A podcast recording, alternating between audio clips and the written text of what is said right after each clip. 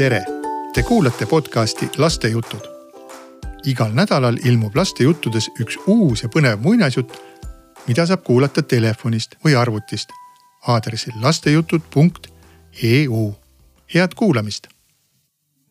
täna jutustan ma teile loo Karjapoisist. see on üks vendade Krimmide vana muinasjutt. niisiis, oli kord karjapoiss kes oli kõikjal kuulus oma arukusega. igale küsimusele mõistis ta paraja vastuse anda. ka kuningas kuulis sellest, ei uskunud aga ja laskis poisikese enda juurde tuua.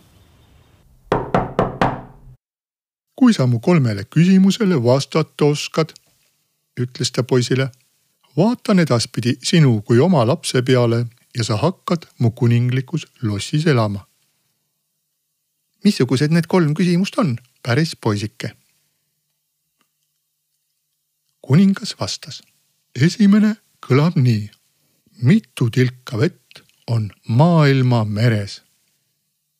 karjapoisike vastas. auväärt kuningas, laske kõik jõed maa peal sulgeda, nii et neist enam piiskagi vett merre juurde ei voola. veetilku meres pole ma seni veel lugenud, aga siis ütlen ma teile mitu tilka seal on?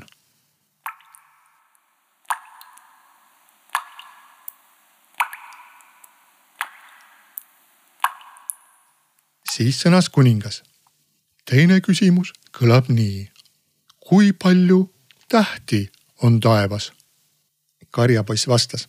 andke mulle suur poogen valget paberit. ta tegi sulega paberile nii palju peeni täppe, et neid vaevu näha võis kuid peaaegu võimatu oli kokku lugeda. paberile vaadates võis silmanägemise kaotada. seepeale ütles poisike. taevas on nii palju tähti, kui palju täppe siin paberil. olge lahked, teie kõrgeausus, lugege kokku. aga keegi polnud selleks suuteline. kuningas ütles. kolmas küsimus kõlab nii mitu sekundit on igavikus? seepeale vastas karjapoisike. kaugel-kaugel maal on teemantmägi, mille kõrgus on ühe tunni tee, laius ühe tunni tee ja sügavus ka ühe tunni tee. sinna tuleb iga saja aasta järel linnuke ning teritab seal oma nokka.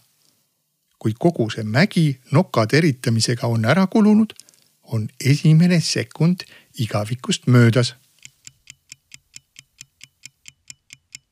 selle peale ütles kuningas. kõik kolm küsimust lahendasid sa nagu tark kunagi. nüüdsest peale jääd sa minu kuninglikku lossi elama ja oled mulle oma lihase lapse eest